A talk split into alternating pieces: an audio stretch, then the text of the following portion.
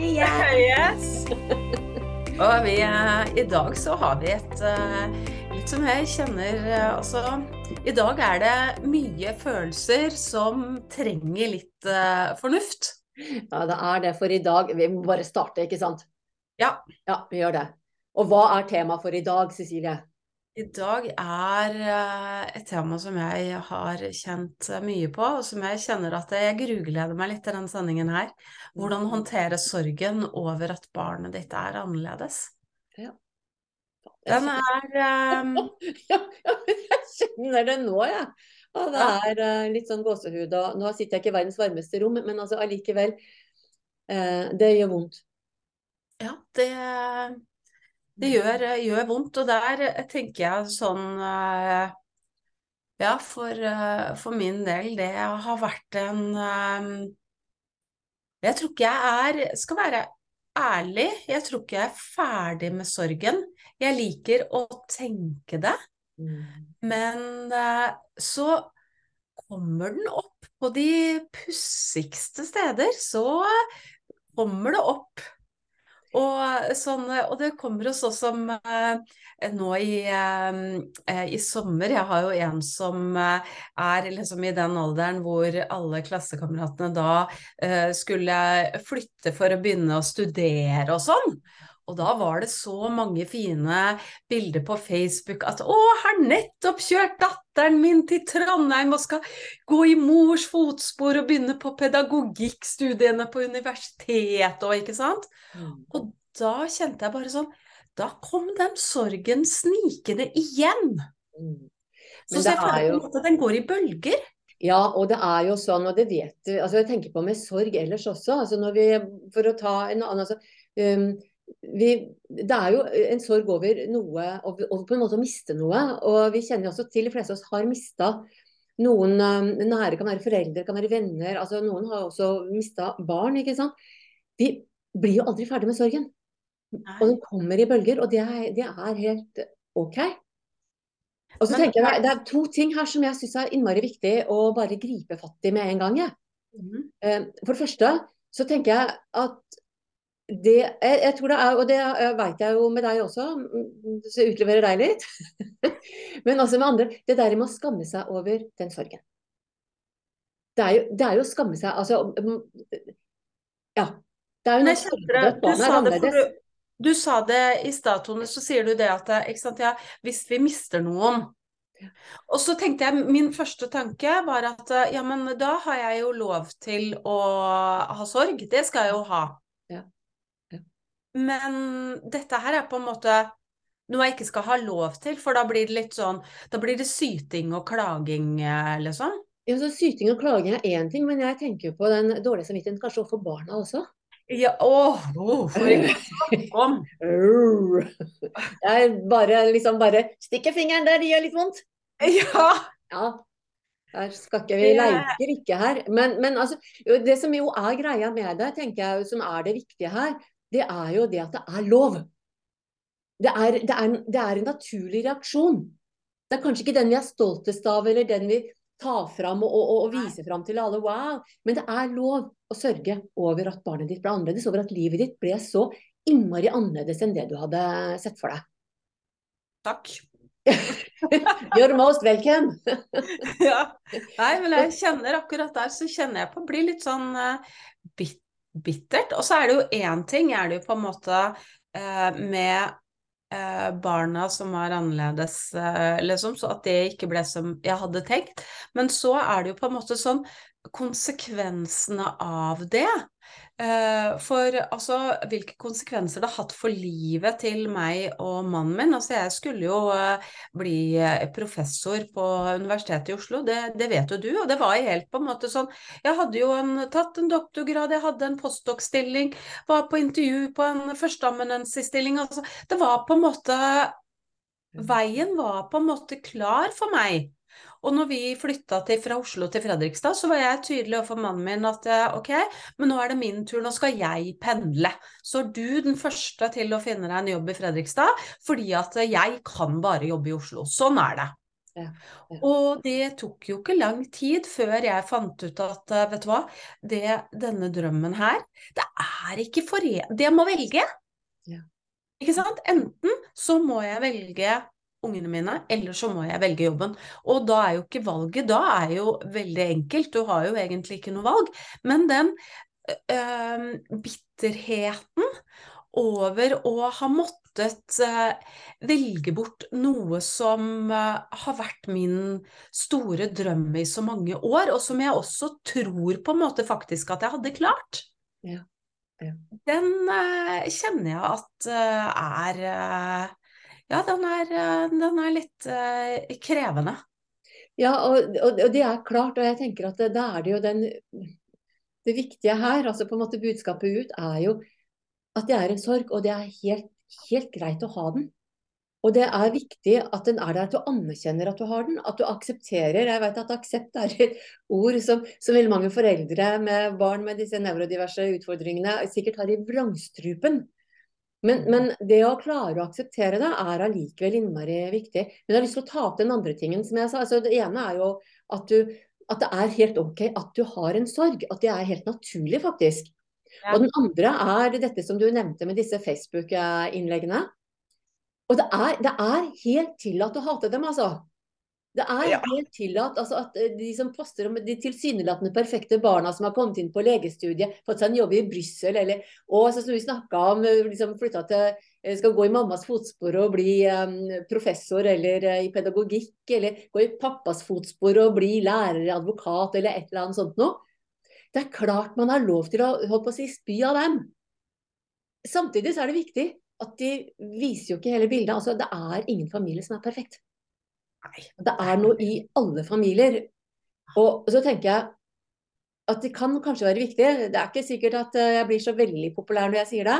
Men hvis det hadde vært dine barn som skulle ha gått i mors fotspor, eller som hadde fått seg denne fantastiske jobben i Brussel eller noe sånt nå, hadde ikke du også vært stolt? Så det er lov med begge deler. Altså, det er lov å ha den nære sinte aggresjonen og spy av disse innleggene. Og så er det også lov å tenke at ja, men så flott at de er takknemlige for at barna klarer seg og har det bra. Og så går det jo ikke utover noen, tenker jeg, så lenge jeg ikke sier det til eh, disse eh, foreldrene med de perfekte barna, så Ja, ja. kan jeg få lov til å sitte og irritere meg for det inni meg sjøl, hvis det gjør meg godt. Og det gjør det jo, det vet vi jo. At sitte og irritere seg og gremme seg, det er Oi, oi, oi. Men eh, Det er et eller annet med at vi er, vi, vi er mennesker, og vi er hele mennesker, og vi lever liv. Og da er ikke alt bare blomster og solskinn og, og blomsterenger og skyer og fantastisk, altså. Vi alle får livet i trynet. Og mange av dere foreldre som jeg snakker til nå, dere har jo fått livet kanskje mye mer i trynet enn eh, de fleste andre har fått. Og det er lov å kjenne på alle disse drittfølelsene som, som følger med. Og det er faktisk grov å gjøre det uten å skamme seg. For det er, det er så lett å skamme seg over de negative følelsene vi har. Men der har jeg lyst til å, å si, altså kanskje nettopp med det, at vi kaller det negative og positive følelser, Tone. Hvis vi slutter med det, ikke sant? At det er, det er følelser, og det er følelser på en Jeg liker å på en måte sånn tenke at følelsene er på en skala. Mm. Og så har vi på en måte sånn, ok, nederst til venstre der så har vi liksom denne skammen. Og hvis vi jobber oss eh, oppover sakte, men sikkert, Mm. så et sted der borte, så har vi stolthet. Mm. Mm. Og jeg er jo også stolt over å, det, Og det vet du. Altså, jeg har jo måttet ringe til deg mange ganger fordi at jeg har bare sånn brusa over av stolthet. Mm. Mm. Jeg har fått mange at- fine historier om jentene dine, så det har Ja. vært veldig hyggelig, det, altså. Og der tenker jeg at der er jeg heldig, og der er uh, alle dere andre mammaer som har eh, barn med noen utfordringer. Vi er heldige fordi at vi har Vi kan være stolt over alle de tingene som andre tar som en selvfølge og ikke legger merke til. Ja. ja. Du sier noe der, altså. Mm. Er, og vet du hva, jeg, og jeg, og jeg blir så Jeg blir nesten enda gladere for det når jeg ikke kan ta det som en selvfølge. Ja. Ja, men det er, eh, ligger en del der, altså. Det er eh, noe med å klare å sette pris på de små tingene. De Mm. nære ting som Ja. er så viktig. Men jeg har lyst til å komme oss videre, for jeg snakka om dette mm, forholdet som heter aksept, og akseptere. Som jeg veit at du har møtt eh, i mange sammenhenger, eh, og blitt møtt med av eh, i mange sammenhenger, som Mm. ikke oppleves som veldig positivt, egentlig. Og du har jo en egentlig, syns jeg, når det gjelder å klare å akseptere, syns jeg du har egentlig en veldig fin hva skal jeg si for noe, eh, fortelling hvordan du klarte å, å bli komme inn i det å kunne klare å akseptere. da. Den prosessen der er jo egentlig veldig fin. Ja. Nei, altså mm, eh, Jeg har jo møtt eh, aksept holdt jeg på å si, på flere, på flere områder. Og det er én ting eh, som jeg, jeg tenkte på eh, i forhold til da jeg eh, ble syk etter, eh, etter covid og fikk post-covid og slitt eh, veldig mye med fatigue og hukommelse og alt mulig, så var jeg på eh, et rehabiliteringsopphold og gikk til en, eh, en psykolog der. Og der jobber vi jo nettopp veldig mye med det med å akseptere at livet er på en eller annen måte snudd på hodet. Og så eh, sier han at og, og jeg var på en måte sånn Jeg strevde med Vi snakka om identitet i sist eh, sending, eh, Tone. Og det var jo det jeg syns var så vanskelig når jeg kom på eh, denne her rehabiliteringen, at eh, dette her er ikke meg. Jeg, altså, jeg skulle heller jobba der enn å eh, vært eh, pasient der, liksom, eller bruker der. Så det ble helt, det ble veldig krasj for meg. Eh, så jeg strevde veldig med at dette her er ikke min identitet. Eh, og så sier han at eh, ok, men kan du akseptere at du ikke kan akseptere akkurat nå? Ja. Ja, tenkte at ok, ja, nei, men det, det kan jeg. Nei, det gikk du med på, altså. Det gikk jeg med på. Og så gjorde, var det faktisk inngangen til at eh, jeg begynte å, å fundere litt mer på dette her. Eh, Så jeg hadde det med meg til neste time da jeg traff han, og så snakka vi litt mer om Ja, og så det der med aksept. Ja, jeg kan jo på en måte ikke ha jeg noe valg da. Fordi at hvis jeg velger å ikke akseptere, så er jo eh, virkeligheten min, den er som den er for det. Jeg kan være kjempesint over at jeg har fått disse senskadene, men det endrer ikke på noen ting. Jeg er her for det. Eh, så det var, ikke sant. Og så sier han en nøkkelsetning som, et, som er så viktig med det med aksept. Kan du akseptere det? Du trenger ikke å like det. Du trenger ikke å like at det er som det er, men at du aksepterer at sånn er det. Det blir på en måte på samme måte at hvis jeg ser ut nå, så må jeg akseptere at det er snø ute. Det er veldig upraktisk noe annet, altså. Og det hjelper Ja. så lite. Det er nettopp det. Og jeg trenger ikke å like at det er snø. Jeg kunne ønske at eh, det var sommer og sol, Mm. men det, det hjelper meg ingenting. Nei, det gjør ikke det. Det. Og det er jo litt av det. som er med å akseptere. Ja. Og det er et veldig, veldig altså, sånn, sånn godt poeng. Og da er vi jo inne på at vi må akseptere. For jeg tenker på eh, Vi har jo de barna vi har. Mm. Og så er det et eller annet Ville du bytta bort barnet ditt, da? Uansett hvor mye trøbbel og, og, og hvordan det har omkafalt fra hele livet ditt, ville du bytta bort, bort barna dine? De fleste vil svare nei på det. Ja. Og da syns jeg også det er utrolig viktig å si om du ville svare ja på det, så er faktisk det også OK. Ja. Og jeg har tenkt litt på det der i forhold til uh, For jeg snakka litt med ungene om dette her, eh, faktisk. Vi er jo veldig åpne og snakker om eh, mye. Og så det om ikke sant, Så sier de at ja, men ville du ikke tatt bort eh, diagnosen min, liksom? Ville du ikke at jeg ikke skulle hatt autisme? Ja. Så jeg, men da hadde ikke du vært du. Så nei, jeg ville ikke det. For da ville ikke du vært den personen som jeg kjenner i dag, liksom. Ja. Jeg, fordi at jeg er jo så usigelig glad i den akkurat som de er. Mm. Og så tenker jeg også det at ja, livet ble annerledes. Men bør annerledes være Er det likhetstegn med annerledes og verre? Ja, det er også et godt spørsmål, altså. Um, Ja. det, og, det er jo, altså, og det er jo, der er det ikke noe fasitsvar. Altså, det er jo bare den som sitter og kjenner på det, som Ja. har svaret. Ikke sant? Og det, med det å på en måte um, Også på en måte sånn når man da har akseptert det, uansett om man liker eller ikke Det å da eh, Det neste da, det kommer jo på en måte sånn Hvordan eh, håndtere sorgen, og hvordan lære seg til å leve med sånn som det er. Ja. Ikke sant? Jeg må på en måte akseptere Jeg må på en måte lære meg til at jeg bor i, i Norge, selv om jeg godt kunne ønske at jeg bodde i Spania hele året. Da, da måtte jeg flytta til Spania. Det blir veldig, jeg veldig, veldig, veldig varmt der om sommeren, altså. Ja! Da hadde jeg klaga på det. Ja, ikke sant? Så, Nå skal vi så klage på. Så hvordan lære seg til å eh, leve hvordan, Altså, og her kommer vi inn på, ikke sant, når vi skal lære oss å leve med dette som da er annerledes, da har det viktigste for meg i hvert fall vært Altså, det er viktig for meg å eh, omfavne annerledesheten, og på en måte at det har på en måte blitt en litt sånn identitet, at ikke vi skal streve for å bli normale.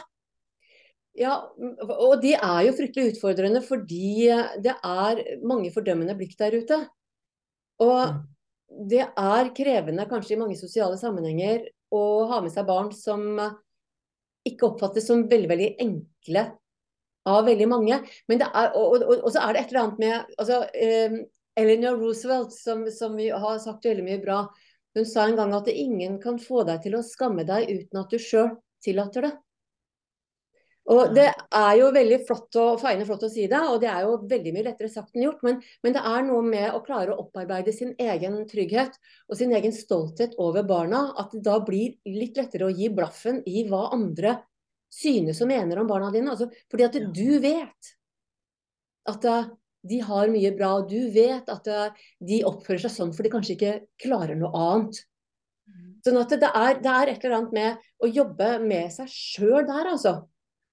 Og da har jeg lyst til å drodle litt videre på dette spørsmålet. Altså med, og ville du ha bytta bort barnet ditt? Og så er det jo et eller annet med uh, For å kunne klare aksept, for, for, å bygge opp dette her, hva med å grave etter Vi er veldig kjappe til å finne fram de gangene hvor det har gått galt, hvor det som er flaut, som er ubehagelig, hvor det har vært sint. Men hva med å grave etter gull, da?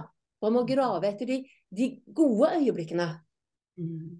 De gangene du kan kjenne på den stoltheten av wow, ja, barnet mitt er annerledes med fader rullan, altså. Fantastisk flott. Å ja, se på alle de små Å, det er å, jeg, blir, jeg kjenner jo jeg, Da kjenner jeg jo med en gang at jeg får den derre den, eh, den godheten. Ja. ja. Å, Og det å, å, å grave etter det, og så er det noe med, som jeg sier, altså her er det altså, vi alle, Noe av det som fungerer, da, som vil være Vi inviterer til alle som har det, å gjøre det. Det er å enten kjøpe en fin notatbok, lage en fin notatbok, og så skrive inn hva er det du liker med barnet ditt. Skriv inn de gode stundene som dere har sammen. Hva, hva, hva gjør dere da? Hvordan har dere det da? Liksom, altså, det, det, for dette her er jo altså vi, vi, har jo for å snakke litt coaching, vi har jo strategier for å ha det dårlig, og vi har strategier for å ha det bra. Ja. Og da er det med å finne ut av hva, hvordan gjør vi det når vi har det bra. Og det er, det er jo min erfaring, Tone, når jeg jobber med foreldrene, at uh, de har ikke strategiene for å ha det bra lett tilgjengelig. Strategiene for å ha det dårlig har de lett tilgjengelig. Men så det som, det som er bra, det er sånn uh, ubevisst. Så det er ofte så er min erfaring at, det sånn, at her trenger man noen gang litt sånn hjelp til å grave det fram. Ja.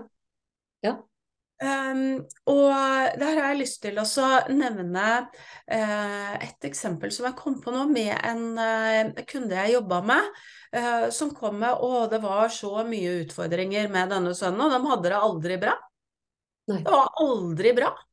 Ja. Og så er det aldri Kan du ikke huske noe Jo, nei, jo, nei. nei. Så kom hun på liksom igjen når de eh, gikk eh, eh, Sto på, var på skitur eller et eller annet sånt noe. Ja, nei, og så hva var det som var bra da? Nei, jeg vet ikke. Og så begynte hun først med liksom Ja, da oppfører han så ordentlig, ikke sant. Kommer litt av den. Og så snakka vi litt mer om det. Og så blir hun stille et øyeblikk, og så sier hun at Å, men Cecilie, nå vet jeg det. Da er vi jo et team! Da er det jeg og han sammen. Mm. Ok, sier jeg. Og når vi har det, når vi vet at når dere er et team og har det fellesskapet, da har dere det bra.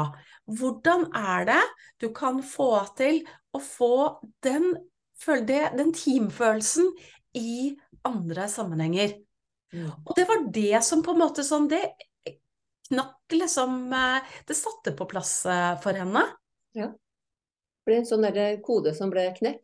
Ja, og det er jo litt der. Ja. ja. og det er jo der jeg tenker på med alle dere foreldre som ser på også. Og, og selvfølgelig så går det an å kjøpe seg tjenester, men det går også an å gå sammen. Eh, flere, altså gå sammen med, med, en annen da, eller et par andre foreldre i samme situasjon. Og så kan dere utfordre hverandre. Sånn at dere kan finne fram til, til alt det gullet som faktisk ligger der.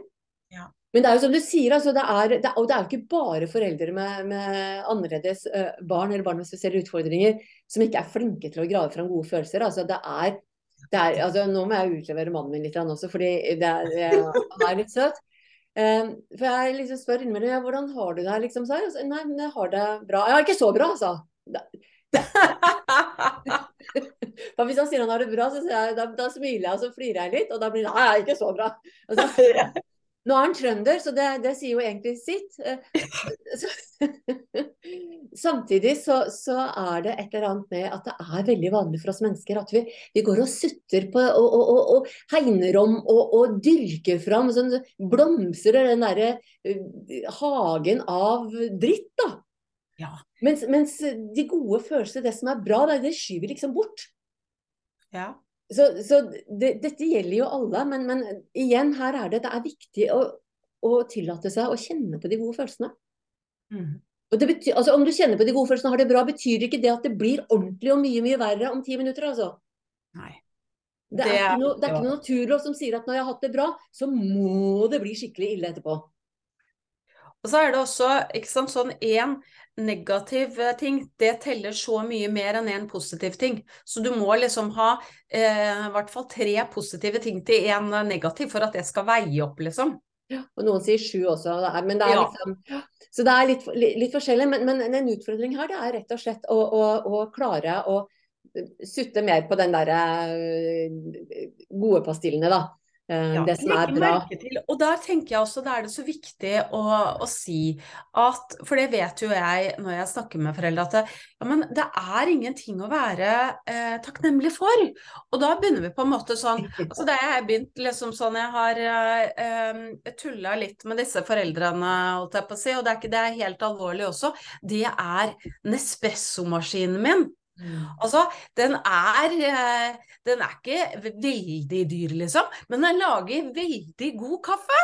Og så kan jeg sitte Og da, når jeg tar den kaffekoppen på morgenen, så er det sånn Å, så deilig!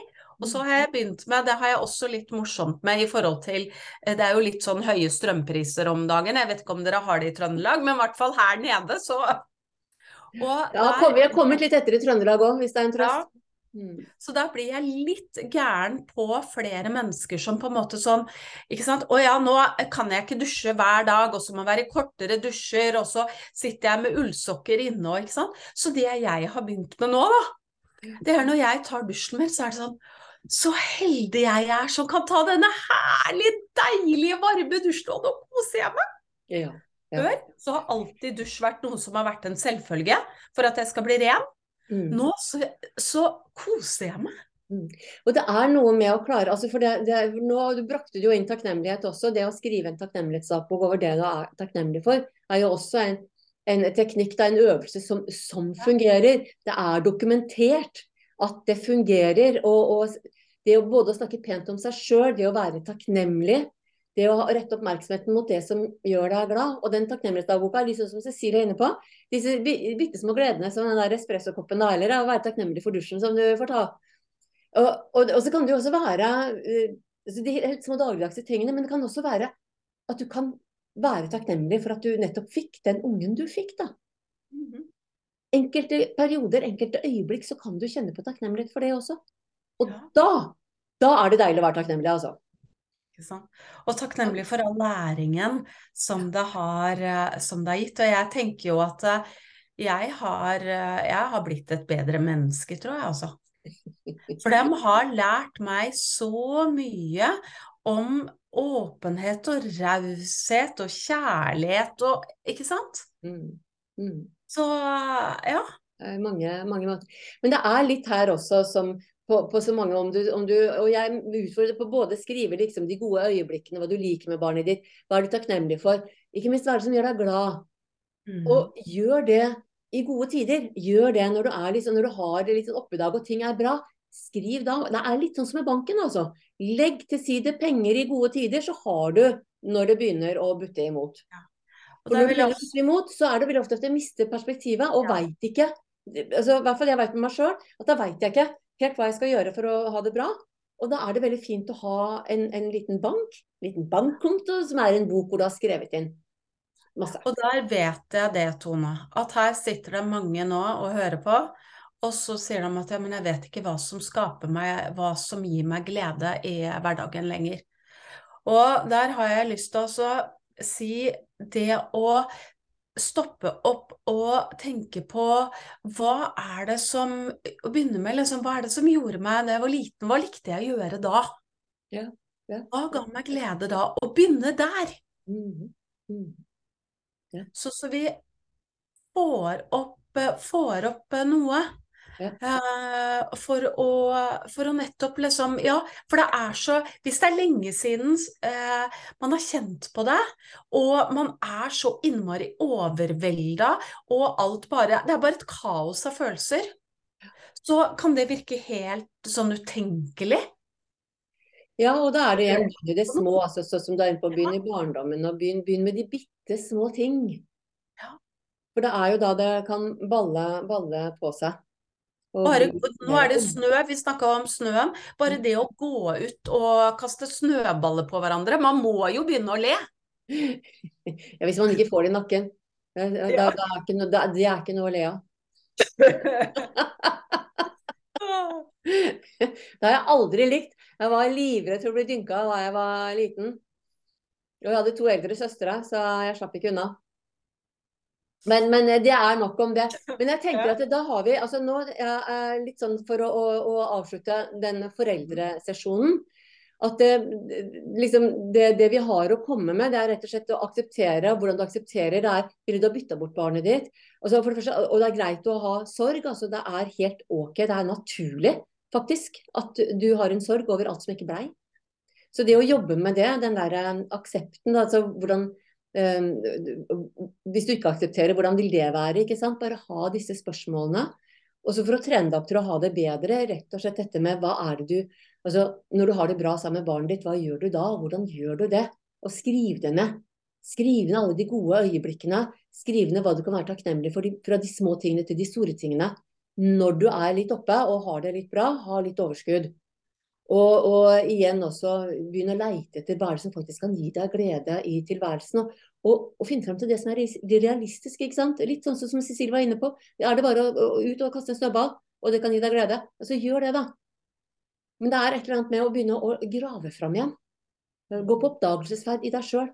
Hva er det som kan gjøre at du kan få det bedre? For når vi begynner å rette oppmerksomheten mot det som er bra, så er det også en muskel som trenger trening. Og jo mer vi gjør det, desto lettere blir det faktisk å ha det bra. Så enkelt. Det kan jeg skrive ned på. Det, det stemmer faktisk. Ja.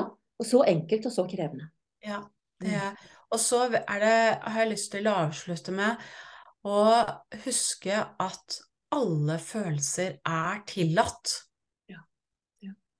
Og alle følelser er Det er helt naturlig at vi kjenner på alle følelser. Ja. Mm. Det er absolutt. Ja. Skriver under på den. Mm. Skal vi da gå videre på den neste, neste delen av eh, Ja. Hvordan ville vi ha møtt disse her som coacher? Coaching-delen.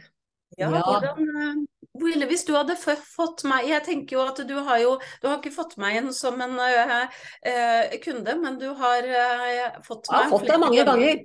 Du har fått, du har fått meg mange ganger i forhold til sorg og frustrasjon og bitterhet og ja.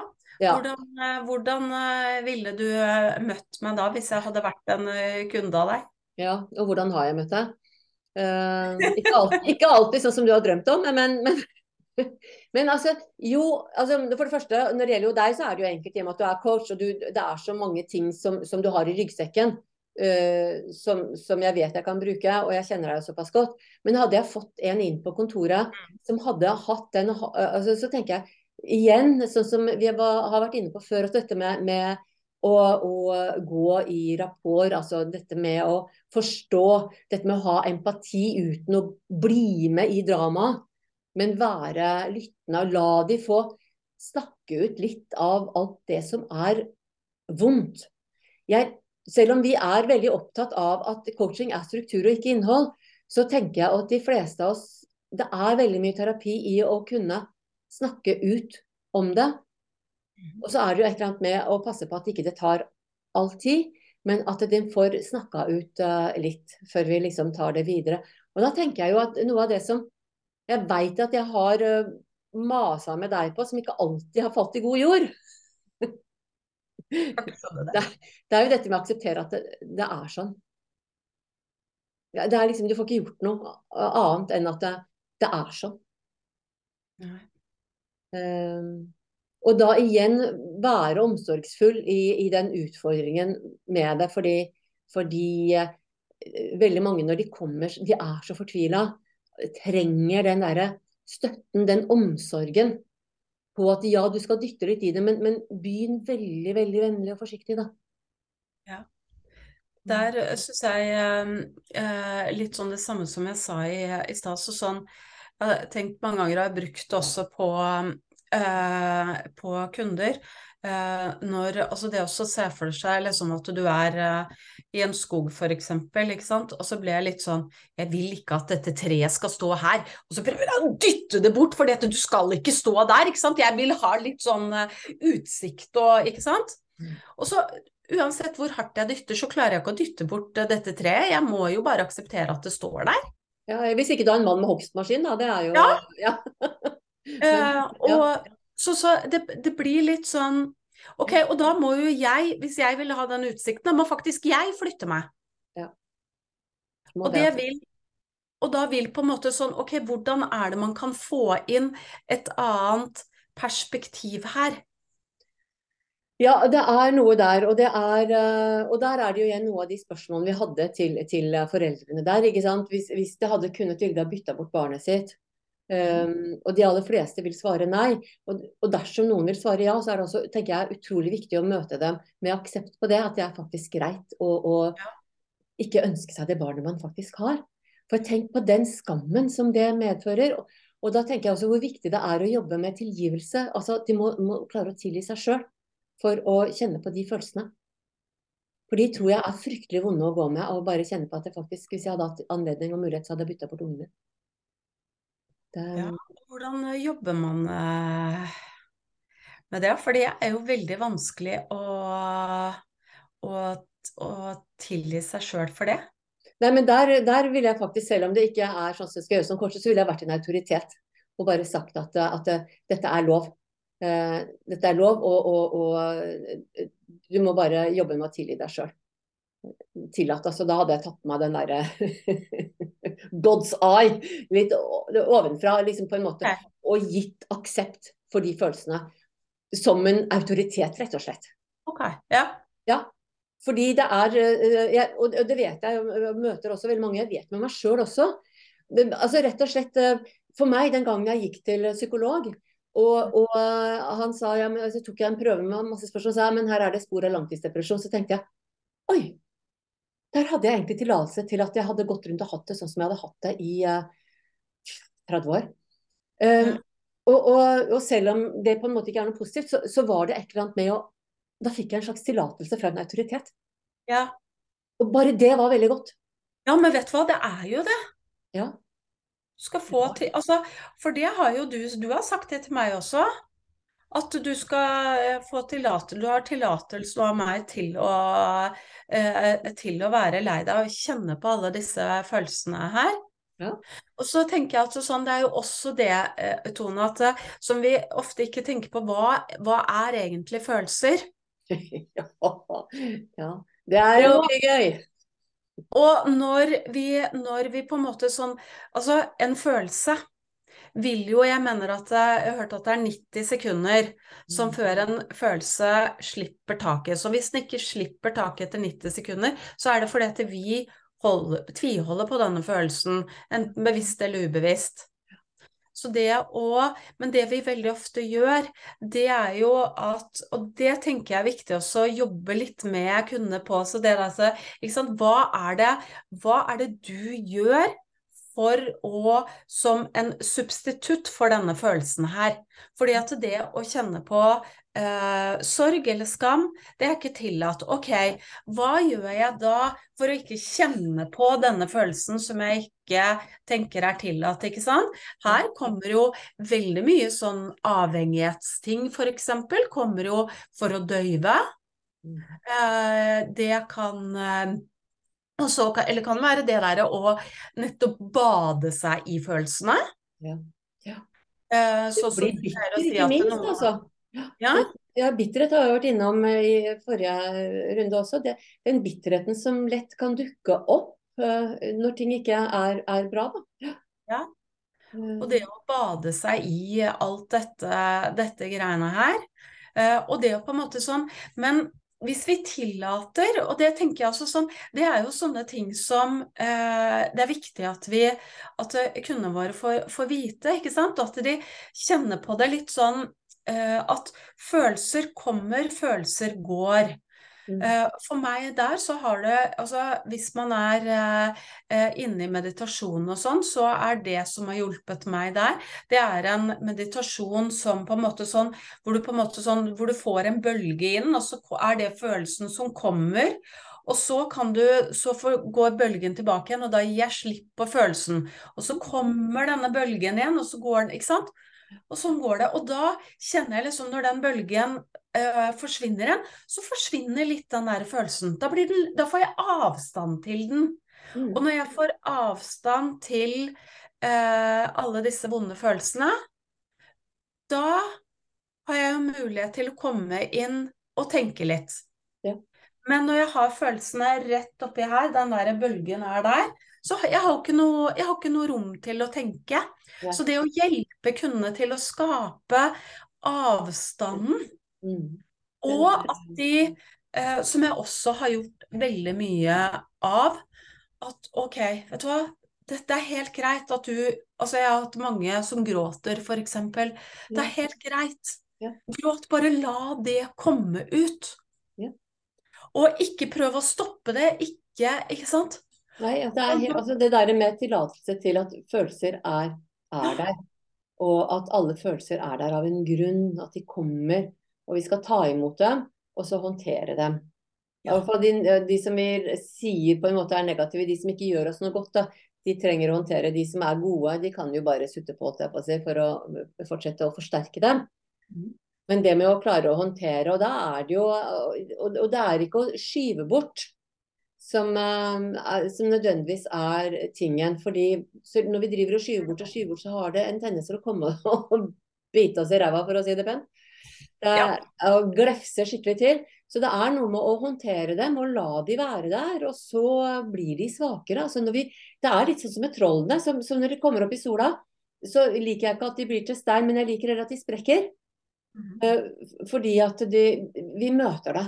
Det er et annet, De gjemmer ikke bort lenger. og Det tror jeg er viktig for disse foreldrene. At uh, vi møter følelsene, gir dem lov, tillatelse til å føle alle følelser. Og så eh, passe på at vi da kan klare å, å, å, se på følelsene nok til at de faktisk kan svekkes. Ja. Bli svakere. Jeg tror, mm, jeg tror mange blir redd. det, ble- altså, du blir redd for følelsen også. Ja. Så Ja, men selvfølgelig. Vi er jo, vi vi er jo redd for de negative følelsene. Det er derfor vi driver skyver, skyver dem bort. Og det er jo, det blir jo det som er, ikke sant. Sånn er det akkurat sånn som vi snakker om de som har angst, ikke sant. At de får angst for angsten. Ja, ja. Så blir det det samme her. Det er liksom sånn derre Nå kommer den derre sorgen, og så Å nei, nå kommer den igjen! Og så blir vi så redde, og så blir alt bare forsterka, istedenfor å bare sånn Å hei, nå kommer du igjen, ja. Hmm. Mm. Hva er det å hilse på? Hva er det for noe nå, da? Ikke Hva vil du fortelle meg nå? Ja. Ja. Så det er jo noe med å lære dem de teknikkene der til å ta imot følelsene, da. Ja. Å spørre med undring. Hva, ja, hva, hva vil du fortelle meg i dag? Ja. Hei igjen. Du uvelkomne gjest. Ja. Mm. Trenger deg inn i stua mi. Så hva vil du meg nå, da? Mm. Det det, nei, for det er jo viktig, og det, vi har også snakka om aksept med, med foreldrene. Aksept som jo er dette at de uh, for så vidt må jobbe med å klare å akseptere at, at det er livet de lever. Um, og da er det jo også noe med å klare å vite hvordan de skal få aksept, som du var inne på, Cecilie, med å akseptere at de ikke klarer å akseptere først. Altså, å ta det så gradvis, fordi uh, det er mange som har holdt på så lenge og på en måte bygd seg inn i en veldig, veldig liten boks. Ja. Så det er når man klarer å utvide den boksen litt sånn eh, gradvis. For de er ikke Mhm. klare for å bare sprenge alle veggene på den boksen og gå ut. Man var nødt til å ta det litt gradvis. Smått. Små skritt. Små museskritt ja. av den der boksen. For en del. Og noen er klare for å gå ut av boksen og sprenge. Det er ikke det. Men, men, men dette, og dette er jo sånn som en coach vil oppdage. Hvis du Mm. skal ha de som ikke er klare for til å sprenge boksen, så, så, så merker vi når de ikke er klare. Ja. Det er ikke noe tvil om det. Nei, så tenker jeg jo, Vi var jo inne på å gi råd til foreldrene om, om eh, notatbok og dagbok, Mhm. som vi vet hjelper. Ja. Og samtidig så er det, så vet vi som coacher at vi, vi skal jo i størst mulig grad unngå å fortelle dem hva de skal gjøre. Mhm. Og igjen så er det jo sånn Spørsmål er jo coachens aller, aller viktigste verktøy, mener jeg da. Ja. Mm. Uh, og det å klare å stille spørsmålene sånn at de kommer fram til hva som kan hjelpe dem sjøl. Ja. Og her kan det jo være, og her vet jeg sånn det Her har jo du eh, hjulpet meg litt i forhold til at du ikke alltid er Du er ikke alltid den strengeste coachen, holdt jeg på å si. At du, du klarer å se litt sånn For dette, når vi er ferske eh, coacher, så blir man veldig, veldig sånn lett for å veld, bli veldig opphengt i reglene.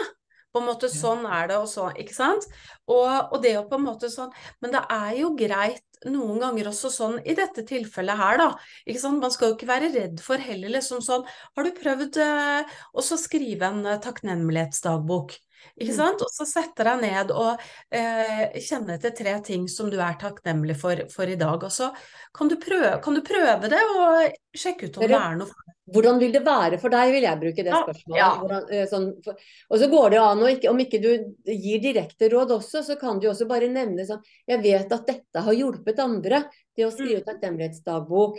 Og, og eh, kan det være noe for deg? Altså Ja. eh, litt sånn åpenhet, eh, åpenhet rundt det. Altså hvordan vil det være for deg, sånn at de kan kjenne på det. Så det er sånn at det, det virkelig er deres valg, at de kan omfavne at dette er Ja, det tror jeg er noe for meg.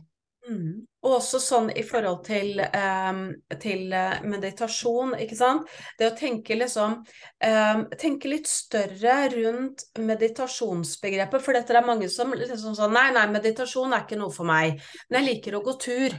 Mhm. Ja, men det å gå tur i skogen, altså det kan jo i høyeste grad være meditasjon. Ja. Ikke sant? Eller det å En som sier at å elsker å sitte på, eh, på terrassen med en eh, kopp kaffe og bare eh, høre på, på fuglekvitter. Ja. Men hvem er det som har sagt at det ikke er meditasjon? Ja. Det å sitte og være til stede i nuet. Ja. Det er jo det som er viktig, ikke sant? Ja, få til Det er meditasjon er jo ikke bare liksom sånn mm, Sitte med å Ja. Nei, det er jo veldig, veldig mye mer. Og, og det er jo litt sånn nettopp å åpne opp for hva kan meditasjon være. Og, Ja. og så vil nok de som holder på med meditasjon være litt, kanskje være litt strenge på hvilke rammer som skal være.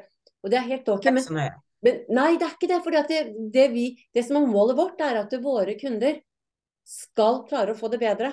Skal klare å finne fram, skal kunne klare å være mer til stede her og nå. Ja. Og da om vi kaller meditasjon altså, så, så kall, vi, vi kan kalle det hva vi vil, faktisk. Ja.